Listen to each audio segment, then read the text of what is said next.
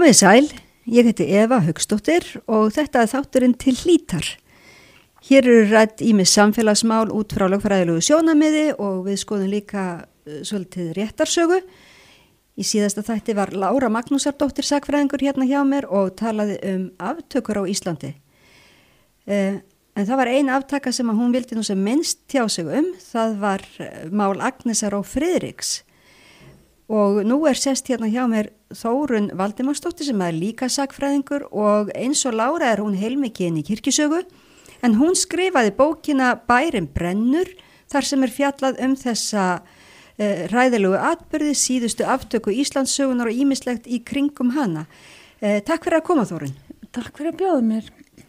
Mér langar að byrja, byrja á því, þú hefur nú margt að segja og ímislegt hérna, fleira heldur en þessa bók, en mér langar að byrja því að fáðu til að segja okkur aðeins frá þessari bók, Bærin brennur, eh, hvað kemur til að þú ferð að skrifa hana og eh, sko það hefur nú komið fram hjá þér og fleirum að eh, þessi saga hefur verið svona svolítið romanitiseruð meðal almennings og uh, þú hefur alltaf aðra sína á þetta heldur en svona þá sem að hefur verið dreygin upp áður en skrifaði þessa bók. Já, um, kæra Eva, það er mjög einfalt, það er annars vegar slúður og hins vegar raunveruleiki skjálana og, og sem sakfrængur þá fór ég uh, áður maður minn var, var bráðkvættur 56 ára þá var hann komin að bólakavita mál vegna þess að hann fikk tauga af allir var að gamall að sjá að langa langa við, lang, hans hafi verið böðull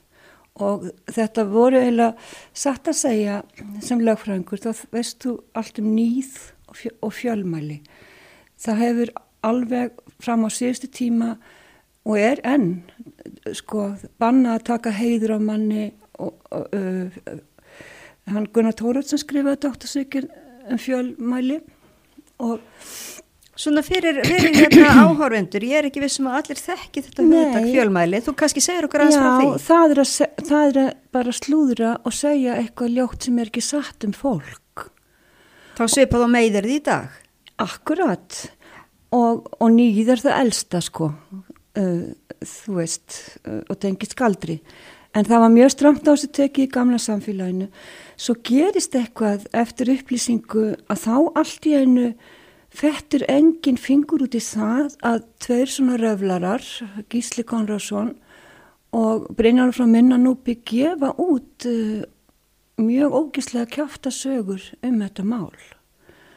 Og það eru sem sagt, sko, auðvitað alþjóðan, henni hundleitist, hún var kynás og kynbælt og, og þurfti auðvitað eitthvað stöf, það var ekkit til annað kjáftagangur og þegar þessi ábáslega aftaka fyrir fram þá náttúrulega fara alls konar sögur í gang. En Egert minn var mjög afkastamikil sakfræðingur skrifaði braggabókina fullt af bókum, allan hafi ekki unnið yfir sig. En hann bað mig áður en að dó hann skrifaði sjálf greinar sakfræðilega greinar um þetta ljóta mál. En hann bað mig að skrifa bók fyrir almenning. Ég þurfti eiginlega fyrst að klára skóla fókita svo bara fór ég í þetta og hérna ég hef tilnæmt allt fyrir þessa bók eins og fleiri. En það sem að ég geri er að fara ofan í uh, þjóðskjölin henn áþræfilegu skjöl málsins og bera saman við kjáftasögurnar og þá er alveg hægt að henda þessu skilur stórum hlutum þess sem að fór á flug og var síðan kvikmynd og var síðan um, heimsfrag miljóna eintaka meðsölubók hannu kent og nú er hún að koma bókmyndaháttíð. Og þú telur að hún sé ekki að gefa rétta mynd af þessum atbyrjum? Já, en elsku konan, hún er bara dásanur svona, uh, sko, ótrúlega nú flinkur og flottur ítöndur að slá svona í gegnum þessu bók og, og mér þykir í dái það þykir fyrirfram væntum þessu konu. Ég er ekki að meina þetta þannig og að hún skulle hafa geta að lesa íslenskar heimildir eða hvernig sem hún fór að því. Um, ég var á gangi í Mexiko með sýstuminni mínum heimabæð þar að rifja upp fyrir sjálfsæfisögu þá var bókin hann komin út hann er kent. Og þá uh, fer ég að spjalla við konu út á götu og hún segir, ha, ert Íslandingur, ég er að lesa þessa bók. Skilur skilur, svona heimurinn lítill. Og Þa, það, þá er ekkert ennþá lifandi og hann las þetta allt en, en þú veist uh, þegar að það, ráði, það þurfa mennundum allan heim lögfræðilega hvað er mikið búið mörg meðir það mál búin að koma á borð uh, dómara út um allan heim út af því að einhver skrifar bókum einhverja mannesku og það er bara slúður og ekki satt. Þarna likur þessi dásanlega ótrúlega spennandi lína mellir umveruleika og dröyms og, og þetta eru með þessu heila kvölin í okkur. Og hverjir eru það sem að verða fyrir þessu hérna, meðirðum eða fjölmælum? Það er niðurbróti fólk, ættmenni, afkomendur, tengdamöðu mín, móðir hennar og alltaf bara ótrúlega flott fólk, kaupmaður og, og Nathan bara var auðvitað svolítið gaur en uh, það var peningagræðki og ekkit annað sem ég get sínt fram á út frá þjóskilunum og að því það er skráð við til við því og þau viðkenna það að þetta var ekki ást ástar, ástríða kynrænt eitthvað heldur var þetta græðki að því þau eina leginn til að komast upp úr lagsta þreipi samfélagsins var eiga moneypenninga og þú veist geta keift sig frá vinnumennsku og, og sínt trefstunum fram á ég á smá og ég, þá get ég farið að búa. Þannig að þessi glæpur sem var framið þarna, þetta var engöngu hérna, uh, já þetta, þetta var engöngu græki, það er ekkert annað að baka það til þú. Já það æstu hvort annað upp og, og Freyrík var rosalega svona kvatvís mm. svona, og núna myndi verið sett helkenna og allt þetta, þú veist. Og, og þú telur að, hérna, að Nathan hafi orðið fyrir, uh, hérna, fyrir miklum meðirðum, væru meðingum Já, fyrstalega viðbjörnslegt morð. Mm -hmm. þau ætla aldrei að takast að mörgur á lífi með nýfum og, og, og, og svo stálið allir og svo fór alþjóðan að skemta sig við að fantasera mikla ástir og ástríðir og þessi tvei kvikindi fyrirgjöðu að því að, gáfi út æsi spennandi lestur fyrir alþjóðana byggðan á slúðri og þann, þannig gleðina þetta svona. Mm. og ég er ótrúlega gleðið að vera búin að uh, hér, hér er raunleikin ef þið hafa áhuga honum, skilur en auðvitað er, er, er þetta allt sem er fyrir löngu síðan. Já, en nú er þetta, þetta er síðasta aftakan, það voru liðin 40 áfræði að hafi þá áður verið tekið fólk að lífa á Íslandi.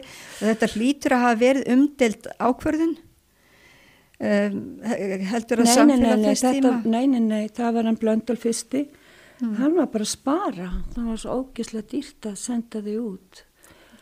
Og það þurfti bara að láta senda með skipi uh, högstokk sem er ennþá til á þjómannsafni og einu öksi og svo pína bróður nátast til að uh, hann gaf auðvitað peningarna fátakum mm. uh, en hann lendi bara í, undir miklum þrýstingi síslumanns að gera þetta, hann gerði þetta og það var hetjuskapur. Uh, auðmikja uh, E, hann var popstjárn á högstöknum, Annatan, uh, og hann fekk þrjáfjóra presta, Agnes fekk prest í eina nótt og hann var svo fullarugluð og hann lagðist á magan. Skilur þú? Já. Öfugt, auðmingastelpan, 33 ára, ófríð og ófríðakonur geta veiskar og maður skilur það alveg, eða? Af því, að við erum allar að berjast mjög að fá að gæja. En ég er ekki að þeir beiskir eða líka högstokk. Nei, ég er að tala um lífuna sem gerðana fram á þessu. Mm. En, en sko, uh, það er í öllu spendiríkinu bara eitt kalldýr að hverjum fjórum sem að kemst nokkuð tíman í kvendýr. Og svo og þá komum við að þessari bók. Já, þú varst einmitt að segja, sko, þú, þú skýrir þennan áhuga alþýðinar á þessu máli og, og, og hérna já. svona það hvernig sagan hefur verið Já, uh, blómstra já, bara, já, í hvaða, já, í hvaða form hún hefur blómstra sem þú tölur að sé nú ekki kannski alveg sannleikurinn. Alls ekki sannleikurinn. Þú sagðir á það sko að allþjóðan hefði verið kynbæld og kynósa. Og í þessari bók sem að er að koma út núna lítil bókun stóra hluti mm -hmm að þar hérna, þar kemur nú aðeins inn á þetta með það hvernig, hvernig yfirvöld hafi hérna eh, reynda að hemja engali fólks meðal annars kynkvöldess og kynhaugðun mm. og hvernig yfirvöld hafi reynda að hafa stjórn á fólksfjölgun. Uh, nei, nei, nei, nei, nei. Hvernig, yeah. hvernig heimurinn misti stjórn, misti stjórn á fólksfjölgun. Nú, já, já. Það var þannig að ég var svo heppin þegar ég var í sakfræðinámi, þá var Karl Kláfur mannfræðingur að flytja erind í háskólanum og auðvitað mætti maður í Arnagarði, ótrúlega gaman. Og þá sagði nokkuð frá því að það er ekki fundist neitt í mannfræðinu neitt samfélag á, fyrir kristni þar sem að stúlkubötn er ekki borin út